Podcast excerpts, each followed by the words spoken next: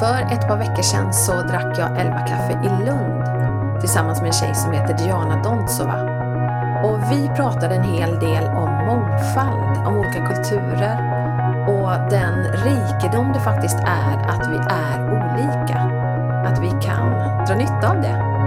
Så därför känns det också extra bra att Läkarmissionen sponsrar just det här avsnittet. För Läkarmissionen har ju sedan 1958 jobbat med att förändra framtiden för utsatta människor och det gör man idag i över 40 länder. Så varsågod, sitt ner vid vårt kaffebord och var med i ett samtal som jag hoppas ska berika dig. Då är vi så att säga in the air. Och då är jag så otroligt hedrad över att få sitta i Lund med Diana. Ja. Välkommen till 11 kaffe med fru Winters. Tack så mycket och välkommen till Lund. Tack så mycket. Det är faktiskt första gången jag är här. Helt otroligt. Hur Och- kan du ha missat Nej, Lund? jag fattar inte heller det. Och nu är jag så irriterad på mig själv att jag inte har tid att stanna längre än bara en liten stund. Men vi har redan pratat om att jag kommer tillbaka. I promise. Jag tycker det. Vi har så himla mysiga småställen. Både liksom så här kaféer och chokla-. Ja, men vi har en hel del vi skulle har kunna allt. njuta av tillsammans. Ja. Ja. kom tillbaka. Jag kommer tillbaka. Du, det är, vi sitter här nu eh, på kaféet i Stadsparken. Stadsparkscaféet Ja, hos Stalewski. hos Stalewski. Tack för att du sa det, så behövde jag inte krångla till det. Nej.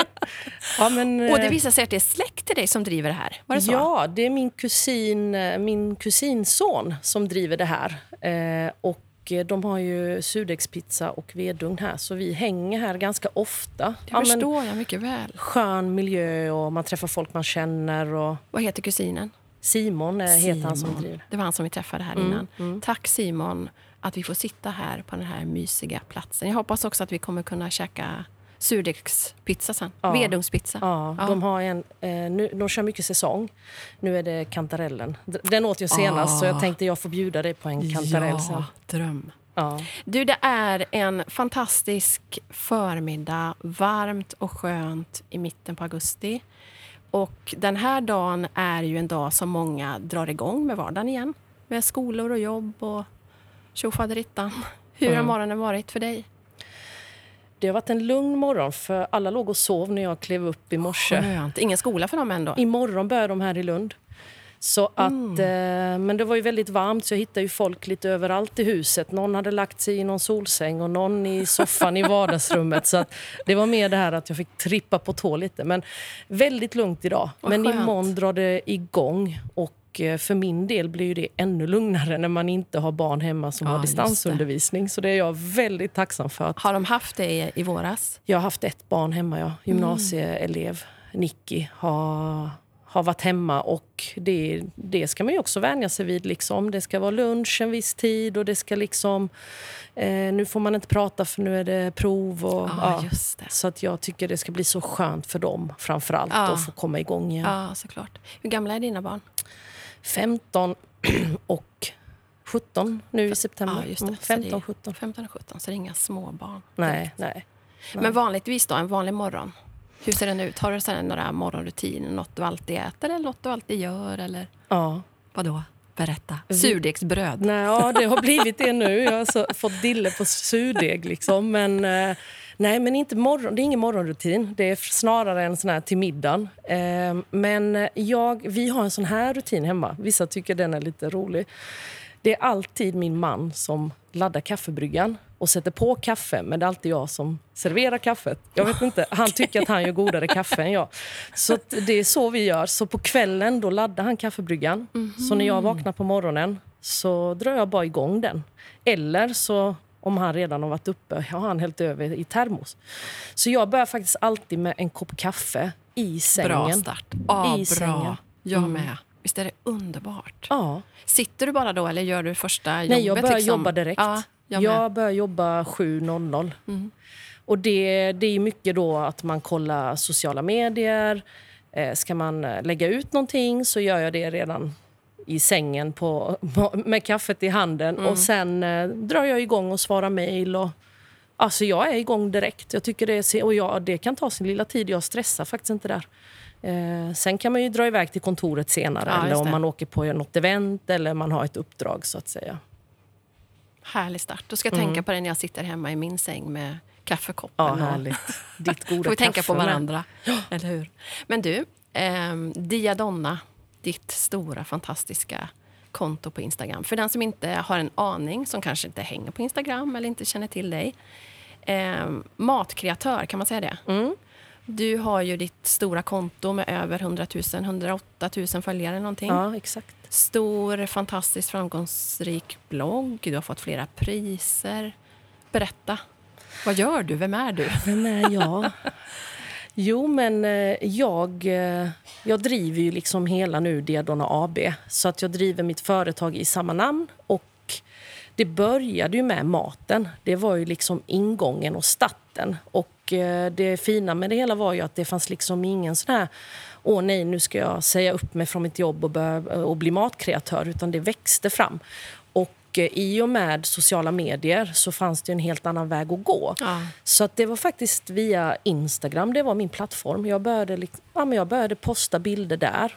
Och när var Eh, det? Hur, hur tidig var du på bollen? Ja, men jag var tidig på bollen. Jag var nog 2013 eh, och startade bara för att få inspiration av andra. Jag hade egentligen ingen tanke på att eh, posta något själv. Men sen blev man lite sugen och så körde man en bild och så blev folk, eh, ja, men började folk ställa frågor och så började man svara och så var det ett nätverk, vilket jag inte riktigt såg framför mig. Nej. Jag tänkte att det bara var Pinterest-aktigt. Ja. Eh, men, eh, men det växte ganska fort och sen började jag blogga eh, hos Femina, där min blogg är än idag. Och eh, drog igång då mitt företag, så upp mig på jobbet Så du hade tag. ett annat jobb när du började med ditt Instagramkonto? Precis. Vad gjorde du då? Jag eh, är lärare. Jaha. Så att jag, jag eh, jobbade som lärare och eh, utbildade lärare då i eh, historia och religion. Så jag, och eh, undervisade på både högstadiet och sen efter det undervisade på gymnasiet. Och när jag vann alla de här priserna och jag fick så mycket uppmärksamhet så kände jag bara att ah, men det är lite nu eller aldrig. Men jag blev ju tjänstledig då först. Och så, det. så, att, eh, så jag, jag visste att det här...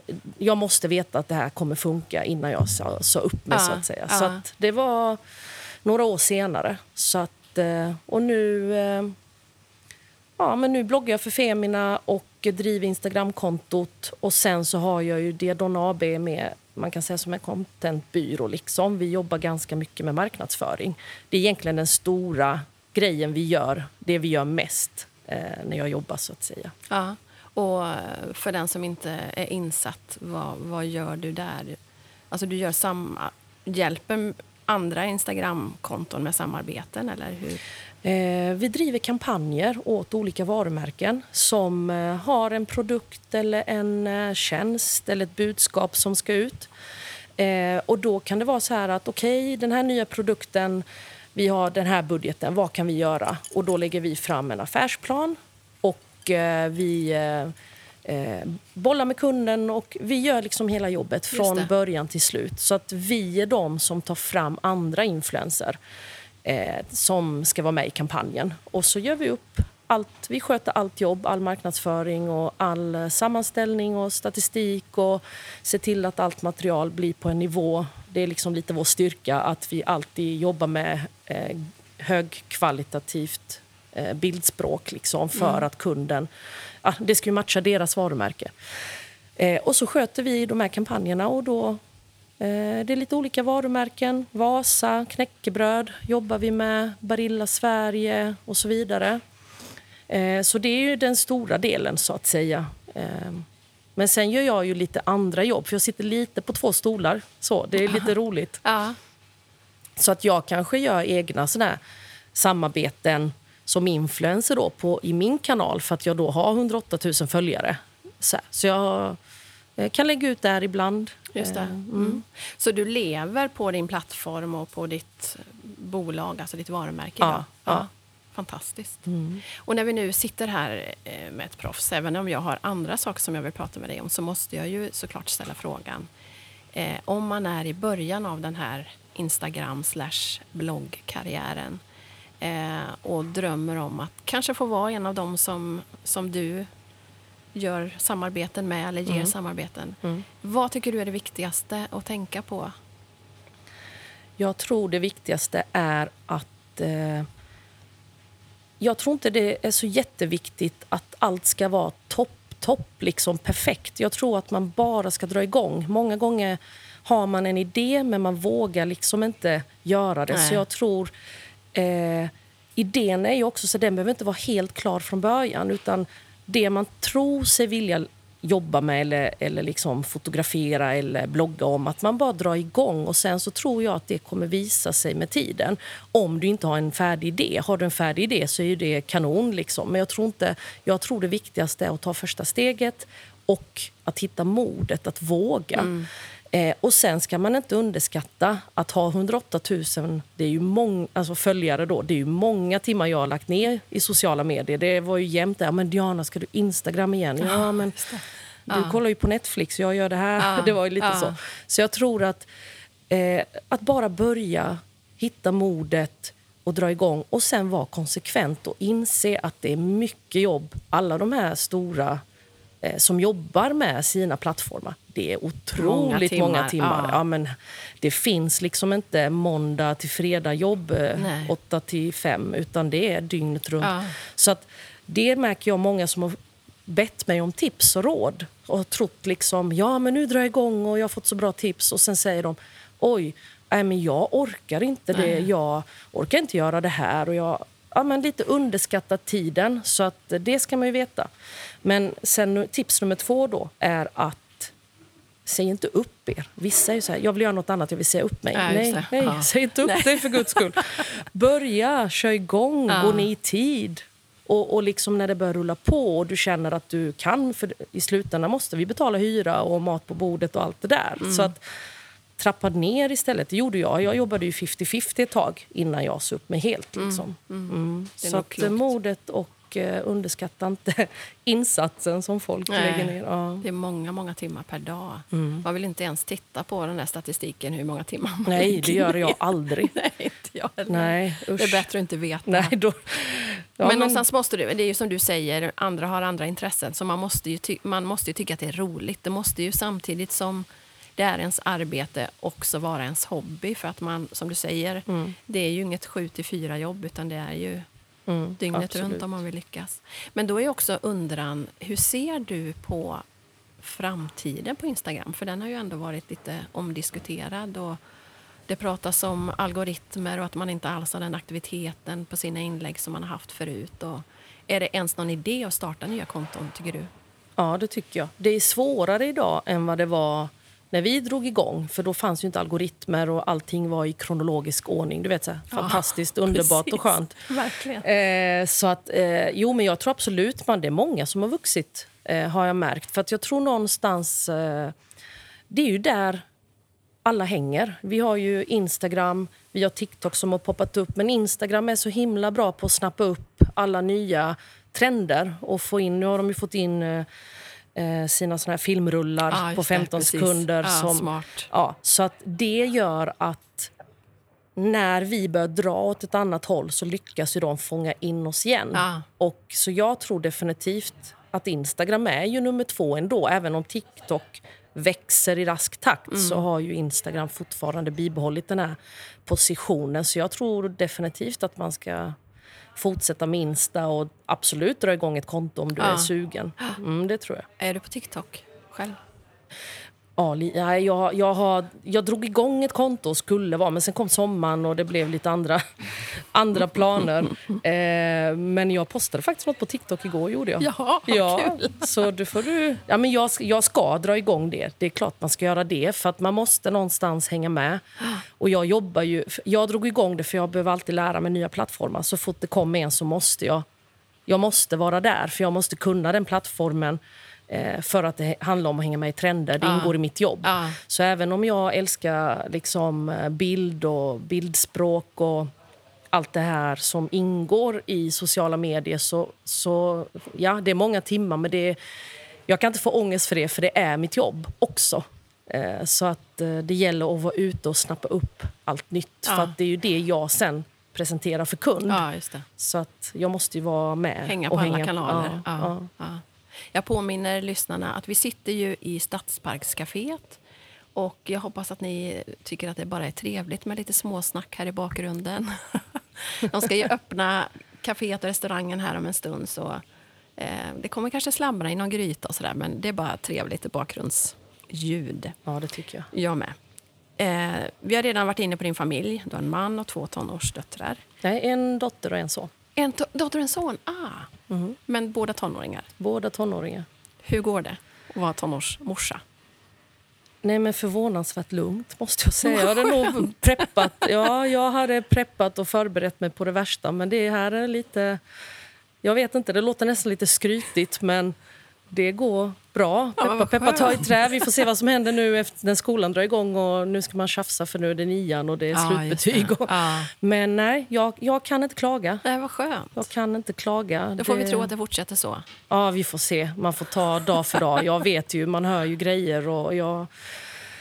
Ja, ja, jag vet att det kan vända, men Ja. just nu det är fint. Det är Men man överlever det också. Jag har ju överlevt tre tonåringar. Jag har Ja, tre ja. vuxna barn. Så att man överlever. Vänder det då? Du, det kommer komma någon Alltså, vi hade ju några tuffa år med i alla fall två av dem. Min son och min nästa dotter. Mm. Eh, men, men jag tänker någonstans att det är någonting de ska igenom. De, de ska hitta sig själva, de ska liksom frigöra sig. Det ligger ju nedlagt på något sätt.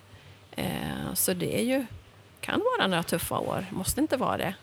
Eh, när allt man gör är, är bara är, är fel och sådär. Mm. Men nu är de vuxna och tillbaka hos mamma och pappa Ja, och hänger jättemycket mysigt. hos oss. Så det är ju Mm. så mysigt. Och partners och grejer har jag sett. Ja, två av dem är gifta och så har vi blivit mormor och morfar för tre Ja. år sedan. Så det är supermysigt. Underbart, Ja, grattis. så det är något att se fram emot. Mm. Verkligen. Mm. Men det jag tänker på, eh, som jag ville prata en del med dig om i den här podden, det är din stora familj. Ehm, jag tycker det är så härligt när man ser i dina stories. Du hade AV med dina kusiner någon kväll och det är stora fester med familjen och det dansas. Och... Vart är ert ursprung? Var kommer ni ifrån?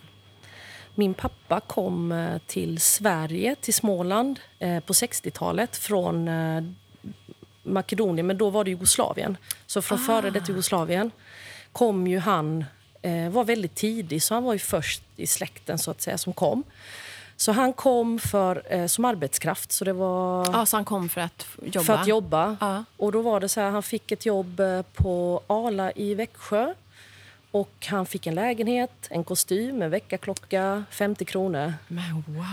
Stövlar, sa jag det? Han fick Nej. kostym och gummistövlar och en väckarklocka. Underbar kombo. Nej, Ja. men wow! Så han hade det jobbet när han kom till Nej, Sverige? han kom, för då rekryterade man. De var, alltså Sve- Sverige var ju där nere och rekryterade. Så då fick han höra om Sverige. och Valet eh, var mellan Sverige och Australien. Så de var sex 18-åringar ungefär som lämnade byn. Vi pratar fattigdom och Wow. liksom de vallade får. Det var ju på den nivån. Liksom. Så att när de stack så gjorde ju de det mitt i natten i smyg. De berättade inte det för någon. För de var ju rädda att föräldrarna skulle stoppa dem, att de skulle vara oroliga för sina killar. Så att de bestämde att nej, vi säger inget och sticker mitt i natten. Så stack de över till Grekland och sen eh, fick de vara där ett tag. Och så valde man då, ska vi till Australien eller till Sverige? Så tre tror jag stack till Australien och tre till Sverige. Oj! Och hur kom det sig att han valde Sverige? Han eh, tyckte närheten, att det var ändå Europa.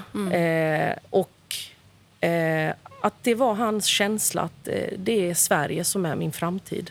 Han drogs Wow. inte alls av Australien på det sättet som vissa andra gjorde då. Nej. Och hur var det att komma till Sverige då? På 60-talet? Nej, men det var ju en helt ny värld. Då prat, alltså jag tänker, han hade ju inte ens bott i en stad. Han hade ju bara bott i en liten by i Makedonien med några få invånare. Så att allt var ju helt nytt. Men när du kommer och du har ett jobb då Ja. går det ganska snabbt det. att komma in i det svenska samhället. Men jag minns det här första gången någon skulle bjuda honom på våfflor. Och det var... Nej, men jag äter inte tofflor. Det går liksom... Det fick, fick han inte ihop. Så att, men sen, sen blev det våfflor jämt i, Ja. i Kronobergs slottsruin i Växjö där jag är född. Då. Alla vi syskonen är då födda i Växjö. Wow! Och här träffade han din mamma då? Nej, de Nej. var faktiskt ett par i byn från det att de var Jaha. 14-15. Wow. Så, kom Så de han, kom tillsammans? Nej, han kom. Och när han hade liksom landat och förstått att det här kommer funka och här kommer jag stanna så tog han hit sin pappa för att liksom kika och godkänna att det här var ett bra val. Och Först då fick han då ta, hem, eller ta hit sin bror, min farbror. Så då tog han farbror till Växjö. Och sen därefter mamma och resten av sina syskon. Och, så jag har ju knappt någon släkt kvar i Makedonien utan alla är i Växjö. Ah, men Ja. Så att det är där alla är idag. Fantastiskt. Mm. Och hur många syskon är ni? Vi är fyra och eh, jag har ju turen då att eh, tre bor i Lund och en i Trelleborg. Det är därför vi träffas så pass ofta och jag kan lägga ut i story och, eh, och så är det barn nu och partners och ja, Ja, vad roligt. ja det är skitkul. Men du, ehm, jag gillar ju egentligen mest att prata om likheter. Och det, jag- jag tycker att det mesta eh, människor emellan förenar ju oss. Men om du skulle prata om skillnader i eh, ja, men familjekultur med en svensk familj och en jugoslavisk familj. Vad skulle du säga är det största? Nej, men, eh, om jag tittar på den makedonska familjesynen så är det ju framför allt det att vi lever väldigt eh, tätt. liksom. Alla involveras om det händer någonting, på gott och ont. Vi har ju en, extremt, eh, en, en extrem närhet. Och eh, Jag är uppvuxen med alla mina kusiner och jag känner alla mina sysslingar. Vi känner varandra liksom, i många led. Ja. Eh, för det, det är väldigt viktigt i vår kultur. Eh, och det är ju någonting som... Ja, men såklart, nu har inte våra föräldrar finns inte kvar. Eh, de lever inte längre. Vilket gör att vi syskonen som bor här i Skåne då är mer sammansvetsade. Och vi, så att jag tror skillnaden är väl just den här att man har närheten på ett annat sätt och att man känner varandra väl, i väldigt många led Ja, bakåt i Ja. släkten. Så att, och det är ju kul nu med sociala medier för nu ser jag att min dotter, liksom, ja, då är hon vän med sina pysslingar då i Ja, Växjö och sådär. Och har besök från pysslingar nu. Det är ju lite häftigt. Ja, men verkligen. Mm. Din man då, var kommer han ifrån? Eh, om vi kör den snabba versionen så är han halvgrek, halvdansk. Sen har vi ett bulgariskt efternamn eh, idag. Och det är ju för att hans farfar var bulgar. Men hans farmor var grek-kroatiska. Ja, det är jätteblandat. Men hans pappa är ju då född på Cypern så han är ju mer grek än alla greker tillsammans. Så Ah, vi brukar säga att pappa är grek och mamma är från Danmark. Mm, och mamma bo, hans mamma bor här. Så att, Jaha. Mm. Vilken härlig mix. ja, fråga då vad mina barn är. Precis. Vad säger de själva? Så är de är svenska. nej, de, eh, nej, men det, de har ju namnet och sen så... Det är klart, då börjar folk... Då ställer ju folk frågan Ja, vad är det ifrån. Och så. Ja. Men det makedonska är väldigt närvarande i, deras, i och med att mina syskon bor här. Eh, farfar Papu, som vi kallar honom då på grekiska, han bor på Rhodos. Så vi träffas ju, träffar den grekiska sidan när vi är där nere. Just. Eh, och den danska blir ju lite för dem lite som sven, det svenska. Så att... Eh, Wow, Det är vilken rikedom. ja. Kan de se det, barnen, eller tycker de bara att det är jobbigt att folk frågar om efternamn? Nej, de och... tycker det är lite speciellt. De tyckte ju då när de gick i skolan att jag var så himla taskig som inte anmälde dem till modersmål. För alla andra fick gå på modersmål. Någon gick på finska, och någon på engelska och någon på liksom italienska. Men de fick inte. Så att det var ju deras krav på mig att jag skulle dra igång det och hjälpa dem. Ja, det behövde vara ett visst antal i kommunen. Så att det var det. önskemål från dem. Ja, så vad att- roligt. så de tycker det är rätt häftigt. Sen är de ju så anpassningsbara. Ja. Så att de kan ju gå... I och med att, ja, men till exempel den ena sidan då på Balkansidan så är det ju mycket mer människor och det är mycket mat. Nu lagas det mat här i bakgrunden, bara så att ni vet. nu fräser det i stekbordet. Ja, det är dagens nu. Det, de har dagens också. Vi väntar på pizzan, du och jag i och för sig. Ja, precis. Får de dra igång vedugnen? Nej, men just ehm, att de anpassar sig. Att när de är hos farmor, som då är danska eller eh, den svenska sidan, så, så är det lugnare. Vi är bara kanske farmor och, och eh, farbror och så är det vi och vi väntar till farmor säger varsågoda innan vi börjar äta och så. Så det, det är inget konstigt. Och sen är vi på Balkansidan. Där tar man mat och sätter sig där det finns plats. Och vi är många fler. Och vi väntar inte på att någon säger varsågod och vi pratar med mat i munnen. Och det är helt okej det Ja, med. Kan de någon utav språken förutom svenska? De förstår all makedonska och pratar... Ja, det, det är just det här att prata som Mm. det tar lite emot. Men eh, de kan läsa, de kan skriva tack vare modersmålsundervisningen. Eh, men eh, förstår, pratar mindre dock. Men det är ju jag som måste skärpa med det. Kan du? Jag kan, men jag sa ju att pappa stack Pappa lämnade Makedonien på 60-talet så han pratar ju 50-tals bondespråk. Ja, just Det är den jag för över till mina Ja, barn. det. Du förstår Ja. vilken nivå. När jag kommer ner och bara, vilket århundrade är du ifrån? När jag pratar med dem nere i Vad Makedonien. roligt, Ja. Vad roligt. Men, men eh, som sagt, vilken rikedom att få alla de här olika kulturerna. Vad, vad, vad vill du helst att dina barn ska liksom snappa upp utav den makedonska kulturen och den svenska kulturen? Mm. Nej, men det svenska är ju, det är ju liksom nummer ett ändå. Det andra är en bonus. Eh, så att det jag vill att de ska snappa upp... Jag gillar ju det här lite vett och etikett, det här svenska ändå. Så här, jag tycker om ordning och reda och lite struktur. och det här lugna eh, som jag då upplever om man nu ska påtala Balkan där det är lite mer tempo och alla pratar och alla ska lägga sig i. Om det, liksom, det finns ingen privacy på det Nej, just det. sättet. Utan är det något som händer då är alla involverade. Lite så här, på gott och ont. Då, Ja. För det kan ju bli väldigt jobbigt. Men vi är ju så himla många. Så händer något så... så Då är det många liksom- som ska veta. Och det måste ju bli en jättekrock då när man tänker på vår svenska kultur. När Ja. vi har en sån integritet och, och, och alltså, vi är ju i diket åt andra hållet. Precis. Kan jag tycka. Men jag plockar ju russinen ur kakan. Ja. Det är ju så. Det jag gillar med det svenska, det tar jag in. Och sen så det jag gillar det här med maten från Balkan och musiken och den här dansen och glädjen. Och när vi, som du nämnde innan, vi har våra sammankomster. att Vi umgås oavsett ålder. Det är liksom barn och det är ingifta och det är pojkvänner och det är allihop. Allihop får vara med och alla dansar tillsammans. Det finns liksom ingen eh, åldersgräns på det sättet och det gillar jag lite. Underbart. Eh, Så där får man ta in eh, det. Också familjerelationen, den trycker jag mycket på att, att de ska vara tajta barnen. Liksom. Jag skulle precis komma till det. Vad, vad ser du som din största prioritet i livet? Största prioritet i livet. Tänker du, då tänker du familjen nu då, eller Ja, barnen? eller, ja, vad, vad är viktigast för dig? Om vi säger så här. Det brukar ju synas i almanackan vad som är viktigt för en. Ja. Gör det det hos dig? Ja, inte i almanackan. Men, nej, men det viktigaste är väl att eh, familjen mår bra. Det, så är det ju. Att eh, vi eh, mår bra och att vi gör saker tillsammans.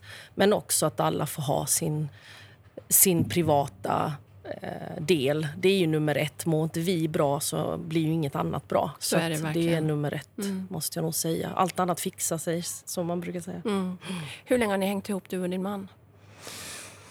Vi har varit gifta i 20 Wow, år, bra jobbat! eller hur? Det var Grymt. faktiskt nu vi firar 20 i somras. Men wow, grattis! Ja, det är mega länge. Ja, det är Tack. mega länge. Men du har också varit gift länge. 30 i sommar. Ja, för jag Ja. minns att jag bara... Jag tyckte jag varit gift länge, men jag såg dig där. Jag minns det. Ja, grattis till er. Tack, tack. Vad är hemligheten för er? Att ni har hängt ihop så Nej, länge? men jag tror helt enkelt att man, eh, man ska prata och eh, när det uppstår ett problem så får man lösa det och inte låta det ligga. Eh, Är ni bra på det? Ja, men det tror jag nog ändå att vi är. Jag tror det. Och ja, men på något sätt förstå att det... Ibland är det jättebra, ibland är det mindre bra och det är okej. liksom. Mm. Att eh, Så bra. det vänder. Ja. Mm. Jag tror inte att det är svårare än så. Nej, Mm. just det tycker jag är jättebra som du är inne på. Att, för det gör ju också att det som jag vurmar så mycket för, att det handlar mer om ett val. Mm. Att man väljer varandra Precis. än känslan. För den kan ju verkligen gå upp och ner. Mm. Och säsongerna går upp och ner i livet. Och, Precis. men som du säger, det blir bra. Mm. Bara man häng- hänger i. Ja, eller hur? Ja, men oftast i alla fall. Ja, jag tänker att du har säkert ännu fler grymma tips efter 30 år. Ja, mitt grymmaste tips, eller mitt bästa tips, är, eh, eller vårt, har alltid varit att vår relation alltid är den viktigaste. Mm, mm. Oavsett säsong i livet så är det min och Mackans relation som är viktigast. Och jag, jag tror ju någonstans att det är att det är det där som det skiter sig för många. Att barnen blir viktigast och deras behov. Mm. Eh, men jag tror ju att det är klart man inte sätter sig runt köksbordet och berättar för barnen att nu kommer ni i andra hand. Men Nej, att, nej. att jag och min partner är överens om det. Att vi behöver tiden för varandra. Vi är viktiga Mm, för att mm. det gynnar barnen i längden. Precis. Att man verkligen... Är ju bra lätt- på att ta egen tid. Nej. Ja, vi har nog satt barnen rätt mycket. Men nu är de som sagt 15-17 så nu, Mm.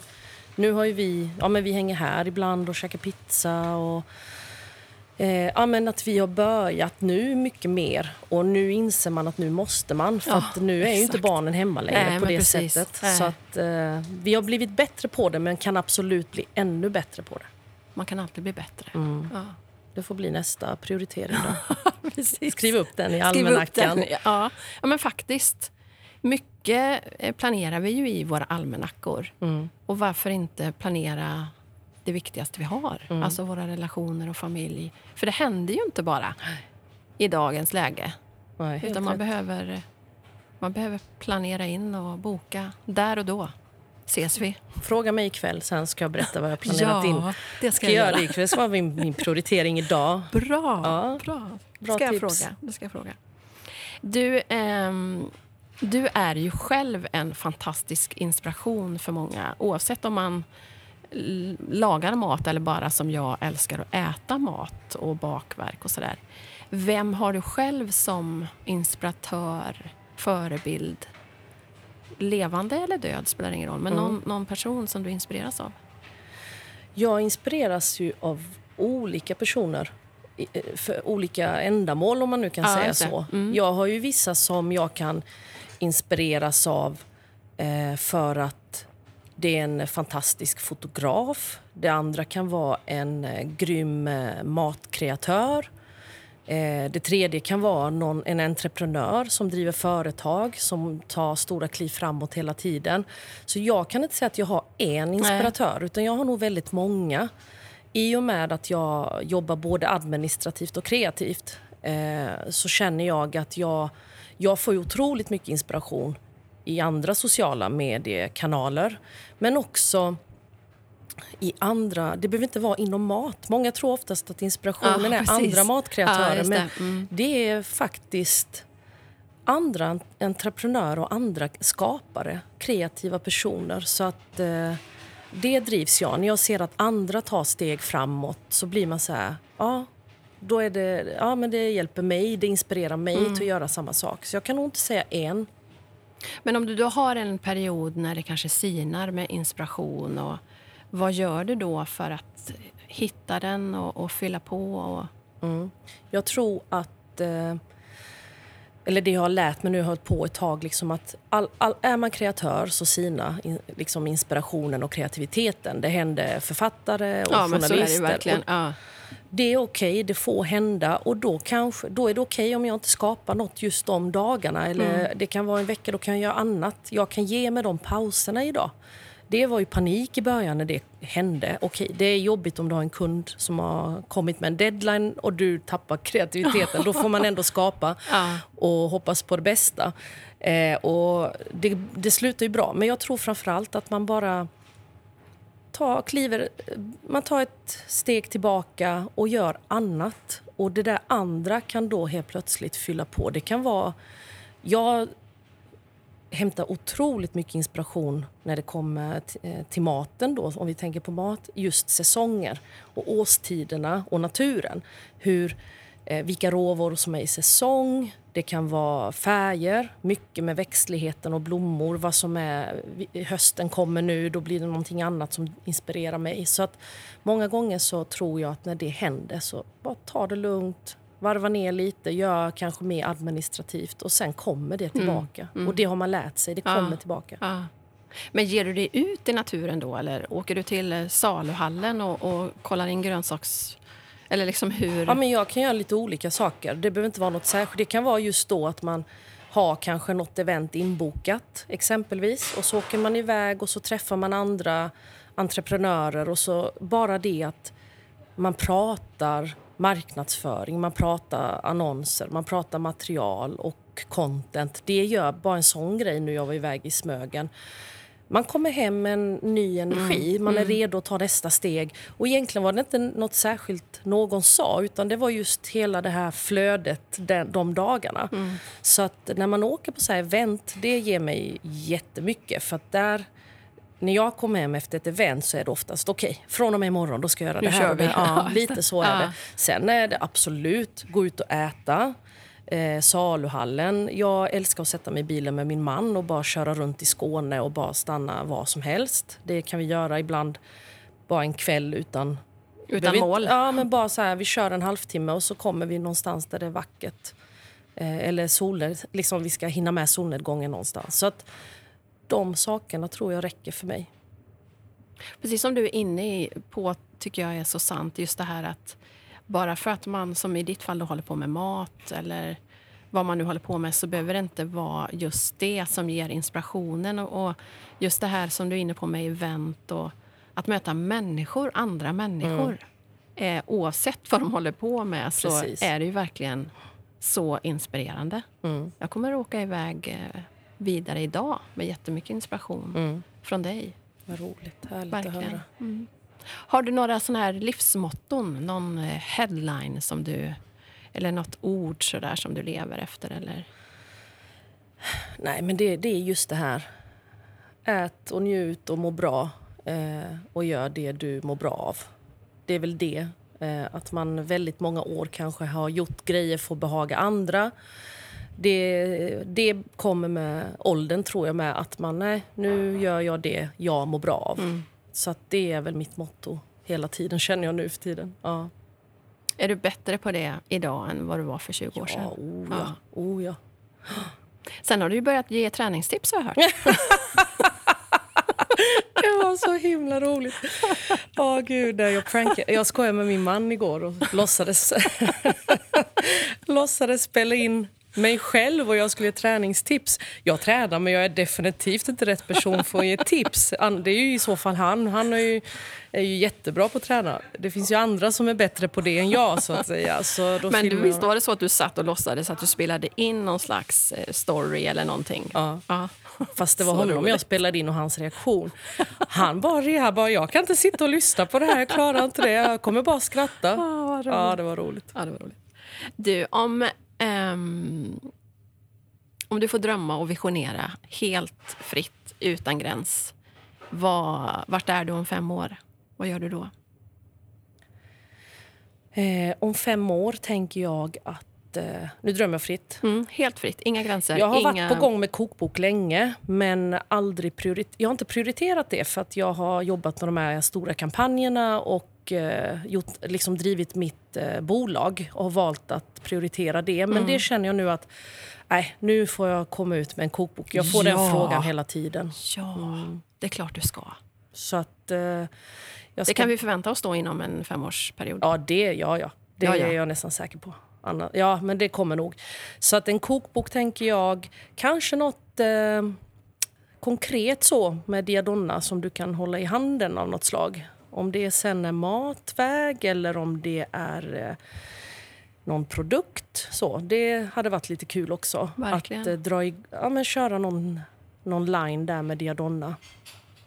Det är väl det. Och sen hoppas jag på att fortsätta få jobba med bra kunder. Det har ju varit... Ja, men du var ju på ett event mm. som vi ordnade Precis. för Vasa då. Ah, Sådana grejer. Superkul. Ah, så roligt. Mm. Så inom fem år, kokbok, produkter och fortsätta jobba med stora, bra företag där vi liksom får driva deras kampanjer och vi ja, men bara får säga men vi gör så här och så här och så här och så blir det så himla bra. Och så känner man bara yes, där satte vi den. Mm. Ja, det Underbart. hoppas jag på. Är det det du tycker är roligast att göra? Ja. Det tycker jag. Den kreativa biten i det eller det här att du är spindeln i nätet eller vad, vad är liksom din styrka? Nej, men min styrka är eh, mitt nätverk.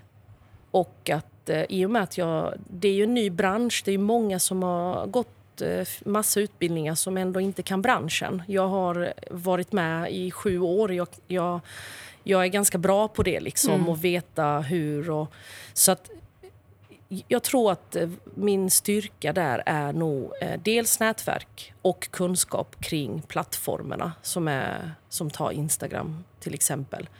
Eh, och framförallt vilket material som ska tas fram, hur det ska se ut, vem som ska vara med i kampanjen och hur vi ska få upp siffrorna för kund. För i slutändan så är det ju det som är det viktigaste. Mm, mm. Så att det är många del, eh, bitar här som jag känner är min grej, som jag tycker är superkul. Eh, men sen är det ju roligt att laga mat och fota. absolut, det skulle jag inte vilja ge upp, men det andra är... För du fotar allt för din blogg och för din Instagram. Mm, mm. mm. Och då måste, jag tror inte ens att vi pratade om vilka priser du faktiskt har vunnit. Berätta. Jag har vunnit eh, Stora matbloggspriset Nej, först vann jag nog bästa foto, så var det, 2016. Eh, vann jag pris för bästa foto, matfoto då, och sen året efter vann jag det stora matblockspriset. Mm. Wow. Mm. Så det, det blev lite så här kvitto, etikett på den kreativa biten. Ja, mm. Bra jobbat. Tack. Roligt. Ja, men det är jättekul. Du, om du skulle berätta om eh, någon av dina bästa dagar hittills i livet. Det har du inte fått tänka på, så bara någonting liksom ur huvudet. Nej, men det var något jag tänkte på. Nu ska vi se vad det var som jag bara kände, det här var så jäkla bra. Oj! Ha! Nu står det helt still. En av mina bästa dagar. Nej men, nej men det egentligen... Ja, det, är så, det är så svårt att välja en grej. Jo, det blir det så här, ja, men ja, men när man fick barn, ja, såklart. Ja. Eh, men för mig är det det bästa som finns är faktiskt när vi samlas och är tillsammans. Alltså det, musik, mat, dans och familjen och gärna vänner. Det, det är det bästa. Men det var något som hände nu som jag bara kände det här var nog det bästa på länge. Men nu minns jag inte ens vad det var. Nej, men det kanske poppar upp under samtalet. Ja, ja. Om vi kontrar med någon av dina värsta dagar i livet då? Ja men det var nog... Eh, ja men det var ju när jag förlorade mina föräldrar. Så att Eh, jag var ju höggravid med Nicky när min pappa gick bort. Så det var ju inte någonting vi förutsåg eller visste skulle hända. Så det var ju det var tufft att vara höggravid och få det Var beskedet. det ditt första barn då? Ja, det var ja. det. Så att eh, det var tufft. Ja. Det var mycket tufft. Även om jag hade förlorat min mamma innan, då var jag sju år gammal. Var det också tufft, men eh, han var ju mitt allt pappa. Liksom. var ju mm. både mamma och pappa, så att det var svårt att ta. Mm. Det är väl det då. Mm. Hur tar du dig igenom svårigheter? Var... Alltså det är ju helt otroligt att man tar sig igenom den sorgen. Ja, jag fattar ja. inte. Man tror ju inte man Nej. ska kunna ta sig Nej. igenom. Så är det verkligen. Men eh, det gör man. Och då, då fick jag ju barn bara två, tre, alltså två månader senare. Så jag hade liksom inget val. Då hade jag blivit mamma och skulle in i den rollen. Mm. Det var ju tufft, men eh, det gick bra. liksom. Och Det gjorde väl att man var tvungen att resa sig. Men eh, men det, man gör det. Det, ja. jag, det finns i oss. Ja, men verkligen. Vi mm. klarar så mycket mer än vad vi tror. Ja, mycket, mycket mer. Inte minst när man är mitt i det mm. och ser tillbaka att oj, jag överlevde. Ja. ja Fast man nej. inte tror det där och då. Men har du något sådär där, där du hämtar din kraft? Eller? Men det är ju lite att få vara med... med ja, men få göra saker som inte någon förväntar sig något resultat Alltså det ska vara något villkorslöst.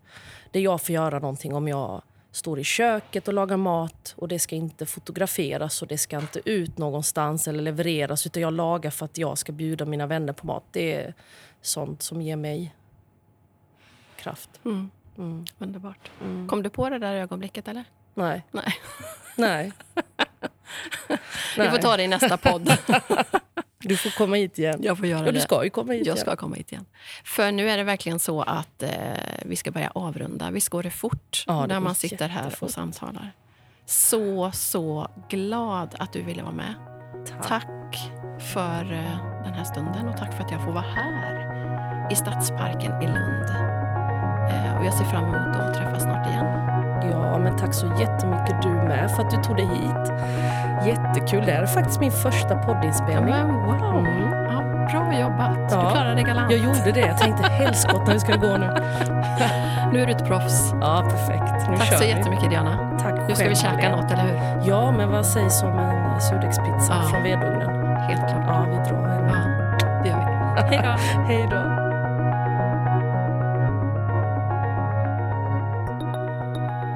Jag är så otroligt stolt och glad över att Läkarmissionen ville bli min huvudsponsor för podden. Så det här avsnittet görs i samarbete med just Läkarmissionen som ju är en hjälporganisation som förändrat framtiden för utsatta människor ända sedan 1958. Och vill du veta mer om Läkarmissionen så kan du lyssna på mitt poddavsnitt som heter just Läkarmissionen och även ett avsnitt som heter Mer än den svarta rutan som handlar om när min son och jag var med Läkarmissionen på en resa till Etiopien. Och jag skulle verkligen vilja utmana dig, uppmuntra dig om du har en hundralapp eller mer över i månaden så kan du bli månadsgivare och det är det bästa stödet att ge.